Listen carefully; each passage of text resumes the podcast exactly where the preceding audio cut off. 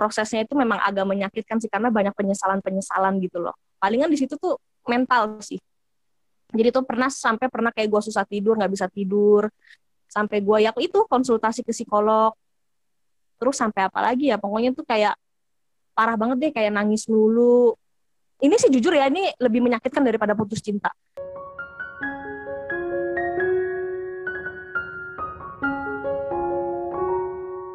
Halo Sobat PA, selamat datang di podcast Eduardo Adam Sebuah podcast di mana kita bisa saling jujur dan terbuka akan apa yang ada di pikiran kita Tanpa takut dijudge oleh siapa pun karena basicnya di podcast ini semua bisa diomongin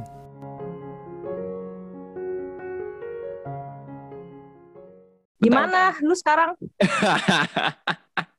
gua sekarang kabarnya gimana? Hmm, hmm, gua, sehat kok, gak lu? Sehat, sehat, sehat. Kok gue ditanya duluan ya? Fisiknya mungkin Karena sehat. Iya. Sehat. Hatinya? Hatinya uh, mentalnya ya dia lagi berjuang menuju Gimana? sehat. oh gitu. Ya time healing ya. Yo yo yo yo yo. yo. Eh lu gimana? Maksudnya gue hal, hal pertama yang gue inget kalau misalkan gue lihat story lu tuh, gue kaget sih, cukup kaget. Maksudnya bukan apa-apa ya, ntar gue kesannya negatif gitu. Uh, maksudnya, Gak apa-apa. Uh, gue kaget lu ngambil S2 gitu. Maksud gue, gue mau tahu tiba-tiba banget gitu seorang Lindsay ngambil S2 tuh kayak lu kemarin uh, DM ke gue, apa maksudnya itu? oh gitu. Jadi gue mungkin cerita sedikit ya dari awal gitu ya kenapa akhirnya gue ngambil S2. Aha. Jadi gini loh, hmm, jujur sih gue lahir di keluarga yang broken, yang broken home, ya Oh, ya kan? wow. Terus abis itu hmm, kalau didikan bokap itu namanya kepala keluarga gitu ya. Jadi kan keras gitu kan. Oke. Okay. Makanya gue dari kecil itu uh, dididik agak keras. Mm-hmm. Tapi kerasnya itu tuh lebih ke supaya bukan keras dipukul atau apa bukan gitu. Mm-hmm. Jadi tuh kayak supaya dari kecil tuh kita udah mandiri gitu. Kayak misalkan gue dari SD nih gue udah nyetir motor, gue SMP oh, iya, udah nyetir mobil. Gue inget lu naik motor Satria loh, serem juga ya. Oh iya. Ngeri loh, ya, gue waktu pertama kali tahu hmm, di kampus. Iya, makanya dulu juga bokap tuh kayak kamu nggak boleh ya naik motor atau mobil metik gitu. Kamu tuh uh. harus pedal tiga kalau naik mobil. Kalau naik motor juga kopling gitu kan. Jadi tuh maksudnya tuh kayak pengen anaknya gagah gitu loh. Iya, gitu. tough girl.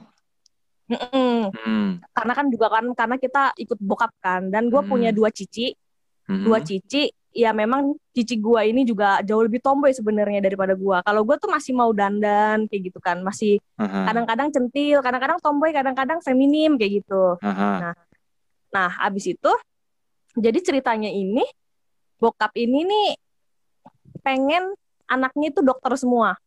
Oh gitu. Iya, kepengen dokter semua. Terus uh, udah nih cici gua yang pertama itu dia berhasil ambil tuh dokteran terus sekarang juga udah kerja sebagai dokter umum terus mau lanjut lagi nih jadi dokter bedah katanya spesialis gitu kan mm -hmm. terus habis itu kalau kalau kakak gue yang kedua kebetulan dia ada penyakit ya jadi mm, okay. dia itu kayak kecilnya hidrosepalus dan dia itu nggak bisa sekolah tapi dia udah berumah tangga sih sekarang oke okay. nah terus habis itu gue nih waktu itu gue juga waktu itu memang uh, rencananya oh ya udah oke okay, gue kuliah dokter gitu. Hmm. gue kuliah dokter karena kan memang keinginan bokap ya. Dan cici gue juga udah dokter juga. Sepupu sepupu gue juga om gue juga ada yang dokter. Pokoknya tuh kayak kebanyakan kalau nggak dokter bidan farmasi yang kayak kayak berhubungan dengan kesehatan gitu. Uh-huh. cuman makin cuman waktu gue gue SMA 2 SMA 3 awal tuh kayak masih oh oke okay, iya oke okay, gue dokter. Gue cari universitas kedokteran gitu. E, mau di mana? Mau di Untar di Trisakti atau di Ukrida kayak gitu kan. Gue juga udah survei. Terus entah gimana mungkin waktu itu tuh gue itu lagi waktunya itu kayak pengen ngeberontak. Oh, ini sebenarnya ya, salah. wajar lah ya. Uh, uh, uh. gue salah di sini. Di di sini gue bego. Jujur gue bego. Uh-huh. memang sebenarnya mau dibilang dua-duanya benar dua-duanya nggak benar dan nggak salah juga sih maksudnya kalau gue ngeliat dari sudut pandang bokap bokap itu tuh nggak sepenuhnya benar karena dia itu uh, kayak mengharuskan dan anak-anaknya harus nurut dia. Oke. Tapi kalau gue pun gue pun juga nggak bisa dibilang sepenuhnya benar atau sepenuhnya salah karena gue di sini tuh pengen gue tuh bebas memilih masa depan gue dan gue sama sekali nggak mau dengerin orang tua gitu. Jadi Hmm. pokoknya di situ di situ gue tuh kayak mem- ibaratnya tuh kayak mempermainkan sih. Gue tuh kayak agak mempermainkan masa depan. Gue bilang gini sama bokap, udah saya nggak mau ah kuliah dokter umum gitu kan. Terus habis itu bokap gue nanya kenapa karena dok karena dokter itu lama banget ngeliat Cici itu eh, sampai kayak begitu banget kan belajar kan gue udah lihat gitu kan Mhm. terus habis itu lulusnya lama kerjanya lama kayak gitu kan terus habis itu gue bilang terus bokap gue kasih pilihan lain ya udah kalau kamu nggak mau dokter umum coba dokter gigi gitu kan terus habis itu kan ya udah boleh dokter gigi siapa tahu lebih cepet gitu kan. Tapi ternyata pas gue survei waktu itu juga gue sampai pura-pura ke dokter gigi. Bokap gue sih pura-pura ke dokter gigi buat nanya sama dokter giginya tentang kuliah dokter gigi gitulah. Aha. dan ternyata sama aja dokter gigi itu sama lamanya kayak dokter umum. Hmm. terus habis itu mm, ternyata malah dokter gigi lebih susah. Ibaratnya tuh lu kuliahnya itu abis S1 lu cuman bisa konsultasi doang dan lu mesti ngambil sekolah lagi lah kalau lu mau megang mau turun tangan buat buat megang-megang alat-alat kedokteran ah, ah. buat buka, setahu gue buat buka itu sendiri ya, buat buka klinik sendiri ya. Iya gitu Iya. dan gue tuh gue mikir dih kalau gitu mendingan dokter umum gitu kok dokter gigi kok kayak lebih ribet gitu udah gitu katanya peralatannya mahal juga lagi ya sebenarnya kalau masalah peralatan nggak mikir sih soalnya bokap bisa modalin gitu cuman Mhm. di sini tuh gue kayak makin keras aja gitu loh karena terus habis itu ya bokap gue bilang ya udah deh kalau kamu nggak mau dokter kamu farmasi aja udah kayak gitu kan Aha. terus habis itu farmasi gue tuh jadi kayak makin kok gue jadi kayak disetir lama-lama gitu Iya. kan akhirnya akhirnya tuh gue waktu itu udahlah udahlah udah saya mau ekonomi aja kayak gitu kan Aha. udah mau ekonomi aja terus bokap bilang semua semua eh, orang tuh pada ngambil ekonomi tuh pasti pada pengangguran katanya kayak gitu kan Oh Terus habis gitu. iya itu kan eh, apa Iya, maksudnya iya. kayak Pemikiran Oh, old school eh, ya, ya, ya nggak salah juga Heeh. sih. Heeh. ya betul terus habis itu ya udah kalau nggak boleh ekonomi psikologi deh psikologi gitu gue makin ngasal nih milih gue makin ngasal milih eh terus habis itu bokap gue ngomong lagi kamu nggak kamu nggak lihat om kamu tuh ambil ambil kuliah psikologi sekarang jadi apa kayak gitu kan jadi tuh dia tuh Hmm. kayak ngelihat satu orang dan dia tuh eh apa sih namanya istilahnya mengeneralisir semua. Betul ya mengeneralisir Hmm. semua. Jadi dikira ini jadi nganggur lah kayak gitu gitu kan. Nah udah nih gue capek nih. Gue capek gue bener-bener capek. Gue udah berantem gede banget dan akhirnya gue cari ibaratnya gue cari jurusan yang paling sebenarnya gue nggak ngerti ilmu komunikasi itu jurusan apa gitu. Cuman ada yang bilang kata ini santai kayak gitu gitu kan iya kan? Terus Emang. habis itu iya terus habis itu gue udah terakhir gue pilihan pilihan terakhir ayo udah eh, kalau saya mau ilmu komunikasi aja udahlah ini ini jurusan terakhir. Kalau nggak mau saya nggak mau kuliah. Gue bilang gitu. Mhm, mhm. ya udah terus terus akhirnya bokap gue udah udah nggak bisa ngomong apa apa lagi tuh setelah gue memutuskan seperti itu kan. Mhm. ya udah akhirnya akhirnya diturutin lah gue ilmu komunikasi. Eh dan sebenarnya sih ilmu komunikasi ya dapatlah ilmunya. Gue bisa jadi lebih ke- kebetulan gue juga orangnya cerewet gitu loh gue juga Ah, senang pas cerita gitu tuh. kan Ah, pas. Iya, terus habis itu eh, dimulailah masa-masa kegalauan setelah gue lulus. Jadi jadi gue cerita aja tuh begini. Gue kan dulu kan waktu skripsi gue kerja Starbucks. Oh iya, gue ingat, gue gitu ingat, kan. gue ingat, gue ingat. Ah. Mm. Terus habis dari Starbucks, eh bokap waktu itu pokoknya malu deh gue kerja di Starbucks. Oh, oke. Soalnya soalnya lebih ke kan karena nggak ngerti ya. Karena juga kan kayaknya eh, keluarga gue kan banyak kan kayak gitulah eh, pangkat-pangkatnya ibaratnya lah kayak gitu Iya, iya, ngerti. lah, Gue, gue paham arahnya gitu ke mana. kan. Heeh, terus abis itu tuh yang gue pengen tunjukin tuh sebenarnya lebih ke nih lihat nih saya bisa cari duit sendiri kayak gitu loh. Hmm. Gue gue mandiri walaupun gue kerja dari bawah tuh gue mau kayak gitu. Hmm, hmm. gue pikir tuh gue bisa ngebanggain gitu kan terus ternyata bokap malu bokap tuh kayak kalau misalkan ditanya orang kamu jangan bilang-bilang kamu kerja kerja di situ kayak gitu kamu tuh sama aja kayak kerja jadi mbak mbak warteg istilahnya kayak gitu jadi tuh pokoknya tuh nancep banget lah kata-katanya gitulah Hmm. cuman sebenarnya kalau orang tahu ya barista Starbucks kan sebenarnya lumayan keren juga dan dan memang banyak kan kalangan-kalanlan kita gitu ya kan, Iya, yang iya. kuliah kayak gitu kan cuman kan Iya. namanya Ya, orang tua Iya iya iya iya. iya. Mm-mm. They don't know. Heeh. 60 lebih sih bokap gue tuh sekarang kan memang Ya, Eh, seangkatan ya, lah kan emang masanya udah udah udah udah old school jadi susah juga kita mau kasih tahu. uh-uh. Heeh. terus jadi gue tuh merasa di sini waktu itu tuh gue tuh bener-bener ibaratnya tekanan mental gue sampai dua kali ke ke psikologi lewat halodoc sih Oke. karena gue tuh ngerasa apa yang gue lakuin itu yang maksudnya gue tuh positif gue mau ngelakuin positif tuh selalu nggak pernah dipandang kayak gitu Hmm. jadi akhirnya pas itu bokap minta gue keluar dari Starbucks. Memang gue memang rencana ada keluar dari Starbucks. Gue lulus kuliah kan memang mau cari pengalaman yang lain. Habis itu gue kerja lah di suatu perusahaan back office ya kan? Mhm. terus gue kerja di perusahaan ini tuh ya enjoy enjoy aja gitu ya kan? Cuman gue tuh namanya ini kayaknya umum ya semua anak muda pasti ngerasain kayak gini. Penasaran. Jadi tuh penasarannya lebih ke sebenarnya gue passionnya ke mana sih?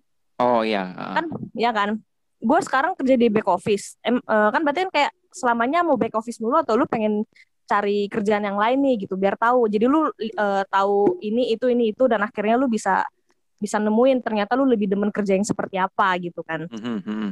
ya kan? Nah eh, pokoknya gue tuh sebentar doang di perusahaan itu. Padahal enak sih kerjanya enak eh, dan lingkungannya tuh deh pokoknya kekeluargaan banget.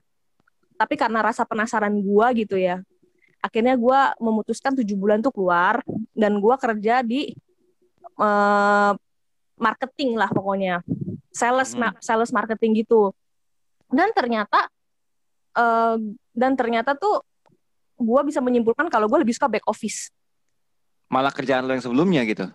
Iya, jadi gue tuh menyimpulkan gue tuh lebih suka back office kerjaan yang kayak pasti-pasti aja udah ada prosedurnya gitu kan. Kalau misalkan marketing sales gitu kan lebih ke target lah kayak gitu-gitu ya. ah, ah. Walaupun memang kalau yang jago banget bisa dapet eh bisa dapet gede gitu, tapi gue kayak lebih suka yang pasti-pasti aja walaupun tiap bulan segitu-segitu aja. Gue modelnya kayak gitu. Hmm. Ternyata gue lebih suka yang kayak gitu.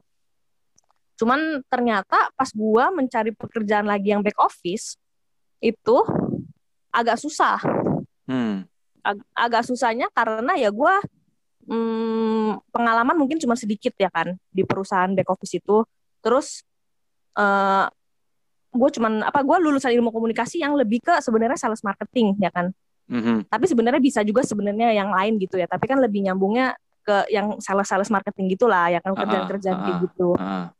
terus habis itu ya udahlah gue udah nggak kerja lagi nih sebagai sales marketing karena kan gue udah ngerasain saat itu gue minta bokap gue untuk ngemodalin gue buka usaha buka Wis. usaha Ah, ah. iya waktu itu kan buka usaha kecil-kecilan kayak hmm, waktu itu gue apa ya eh, pernah kayak pengen buka minuman gitu loh jadi kan gue kan ada pengalaman nih barista gitu kan siapa tahu Ah. gue bisa ngeracik sendiri gitu kan Ah. waktu itu tuh udah sampai pilih tempatnya mau mau sewa di mana terus gue udah kayak beli bootnya kayak gitu Mhm. kan gue udah beli bubuk-bubuk minuman lah kayak gitu ya. Boba gitu ya? Sejenis itu ya? Iya kayak boba. Ya sejenis boba kayak gitu ya kan. Ternyata corona. Wah. Jadi waktu itu corona. Corona melanda. Tapi untungnya waktu itu gue belum deal sama orang sewa itu. Dan akhirnya nggak jadi sih. Itu sih puji Tuhannya sih. Terus ya udah. Abis itu kan gue kan kayak makin galau. Dan corona ini kan banyak PHK dong. Aha. ya udah akhirnya tuh bokap gue bilang daripada papa ngemodalin kamu buka usaha mendingan papa ngemodalin kamu untuk kuliah lagi kayak gitu Ah. karena kalau bokap gue itu lebih senang pendidikan jujur Oke. bokap gue tuh lebih mendorong mendorong anak-anaknya itu tuh nggak usaha sih tapi tuh eh, kerja profesional gitu mungkin karena Oh. cewek kali ya biar aman aja kali ya Iya ya, lu punya posisi yang udah firm atau certain gitu ya. Mm. Heeh. terus abis itu ya udahlah kan gue mikir-mikir lagi iya ya gue galau nih mau ngambil S2 apa enggak tapi kalau gue ngeliat corona gini mau kerja juga susah gue mau ngapain kayak gitu kan Mhm.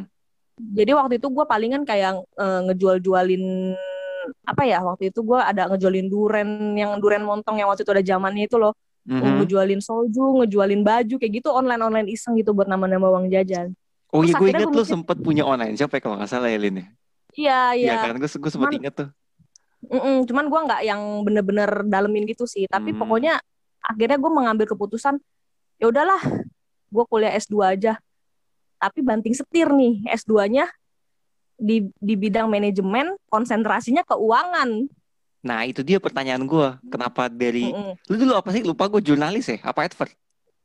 jurnalis ngasal Oh. kan Iya. Kenapa jauh sekali itu ya?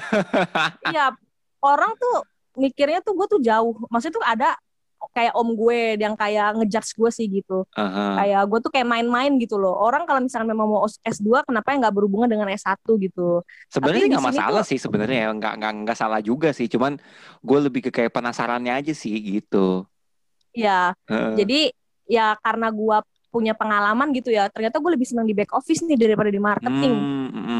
Dan gue dan gua back office gue tuh nggak punya ilmu apa-apa gitu yang gue dapat di di kuliahan lah ibaratnya. Hmm. makanya gue memutuskan untuk eh gue pengen nih punya profesi gitu ya terus Hmm. me- yang yang memang untuk pekerjaannya itu ya memang ada profesinya dan bukan bukan sales bukan jualan-jualan kayak gitu gitu ya udah Ah. akhirnya gue memutuskan untuk ambil S2 manajemen dan gue kemarin udah semester 1 itu kan umum semua ya dan semester 2 ini penjurusan penjurusannya pun ada keuangan marketing juga ada. Terus pemas ya marketing atau pemasaran ya. Terus SDM eh, strategi banyak sih. Cuman gue akhirnya ngambilnya keuangan. Untungnya keuangan tuh bisa dari segala jurusan sih. Itu untung banget. Dan puji Tuhan puji Tuhannya tuh gue bisa ngikutin temen-temen gue yang nanya ke gue dan minta ajarin gue minta mereka tuh ajarin dong gimana caranya kayak gitu. Ngerjain oke. eh, Ah. soal-soal keuangan kayak gini gitu. Aha. Terus akhirnya gue kayak ngezoom mereka kan yaudah kita zoom ya terus gue yang ngajarin Eh, sebenarnya Buset. sambil ngajarin itu tuh sambil sambil ngelatih aja sih ingetan gue gitu biar biar ngasah otak lah kayak gitu kan Aha. terus tuh gue tuh kayak jadi mikir gue tuh sebenarnya lebih seneng loh yang kayak pelajaran hitung-hitungan gitu loh daripada ibaratnya tuh gue gue lebih males baca orangnya gue tuh ngeliat tulisan banyak belum baca aja tuh kayak udah tersugesti ngantuk gitu gue malah Oh. lebih seneng tuh angka-angka gue lebih Ah. seneng hitung sebenarnya ya adalah gue mikir tahu gini mah dari S1 gue ngototnya ekonomi aja daripada gue ngotot ilmu komunikasi ya kan tapi Iya ya udahlah kalau kata cici gue ya udahlah eh, bagus juga lah kalau kamu bisa kayak gitu karena kamu banyak belajar ilmu gitu Iya, iya. Gua baru mau ngomong, belajar banyak ilmunya ekonomi juga. belajar Mm-mm. iya kan Mm-mm. ya udah akhirnya gue bener-bener perdalam dan gue juga gue tambahin dengan gue ngikut eh training sertifikasi gitu sih jadi pasar modal gue tuh ngambil ya udah gue ngambil pasar modal. Kan gue mau profesi nih. Karena sebenarnya kalau gue lulusan S2 manajemen pun tuh kayak masih umum gitu loh. Aha. dan akhirnya gue kayak memperkerucut lagi lah gitu. Gue akhirnya eh, ngambil eh, sertifikasi wakil manajer investasi gitu. Itu buat karir untuk ngelola reksadana. Dan kemarin gue ngambil trainingnya itu tiga bulan sebenarnya. Tapi gue satu bulan gue udah bisa. Jadi akhirnya gue udah dapat izin dari OJK kalau gue kerja di perusahaan manajer investasi gue udah bisa kayak gitu jadi Hmm. sekarang palingan gua ini gua kebetulan kemarin baru dapat baru dapat surat dari OJK. Gue sekarang berarti udah megang bisa megang profesi manajer investasi dan sebenarnya gua tuh sekarang palingan lagi nge-prepare untuk kayak memperbaharui CV, terus eh, memperbarui LinkedIn lah kayak gitu. Aha. Walaupun sebenarnya sebenarnya kan lucu juga sih ilmu komunikasi tapi sertifikasinya uh, wakil manajer investasi. Tapi gue tuh kayak pelan-pelan aja gitu. Gue pun juga sambil kuliah juga gitu kan uh, sampai akhir tahun ini selesai sih. Jadi kan kalau gue kuliah manajemen in, apa manajemen keuangan itu kan uh, sama pasar modal itu tuh sebenarnya kan jadi lebih apa lebih mendukung kita ke karir lah gitu. Aha. Jadi ya pokoknya gue udah nggak mau yang kayak dulu yang kayak masih belum tahu arah gue ke mana. Sekarang tuh gue udah tahu arah gue ke mana dan gue harus memperdalam kayak gitu. Ah. Iya iya. dan iya, memang iya. sebenarnya prosesnya juga prosesnya itu memang agak menyakitkan sih karena banyak penyesalan-penyesalan gitu loh. Eh, Hmm. lebih ke penyesalannya tuh gue nyesel sih jujur kalau misalkan waktu diputer gue mau kuliah dokter sebenarnya. Kalaupun dulu bokap gue nggak maksa gue, maksudnya kayak membiarkan ya udahlah terserah kamu mau apa terserah. Mungkin gue malah jadi mikirnya ya udah dokter aja gitu. Tapi karena gue ngerasa bokap gue ini memaksa, gue tuh modelnya semakin dipaksa semakin ngebangkang gitu. Iya iya iya iya. Ada sih tipikal yang begitu memang. Iya. Jadi memang bokap gue juga ya sambil marah bukan marahin ya lebih ke no kan gara-gara kamu ngebangkang sama papa kayak gitu kan sekarang kamu begini nggak sukses kamu sekarang ya kan nggak tahu arahnya mau ke mana ya kan Hmm. terus habis itu ya palingan di situ tuh mental sih jadi tuh pernah sampai pernah kayak gue susah tidur nggak bisa tidur sampai gue ya itu konsultasi ke psikolog. Terus sampai apa lagi ya pokoknya tuh kayak parah banget deh kayak nangis dulu ini sih jujur ya ini lebih menyakitkan daripada putus cinta. Jujur gue kalau putus Uh. cinta gue tuh gue ya orangnya tuh jarang galau. Gue orangnya jarang galau. Namanya putus pasti ada galaunya ya tapi gue galau cepet. Gue paling seminggu gue seminggu tuh ya udah gue udah lupa sama orang itu gitu. Heeh.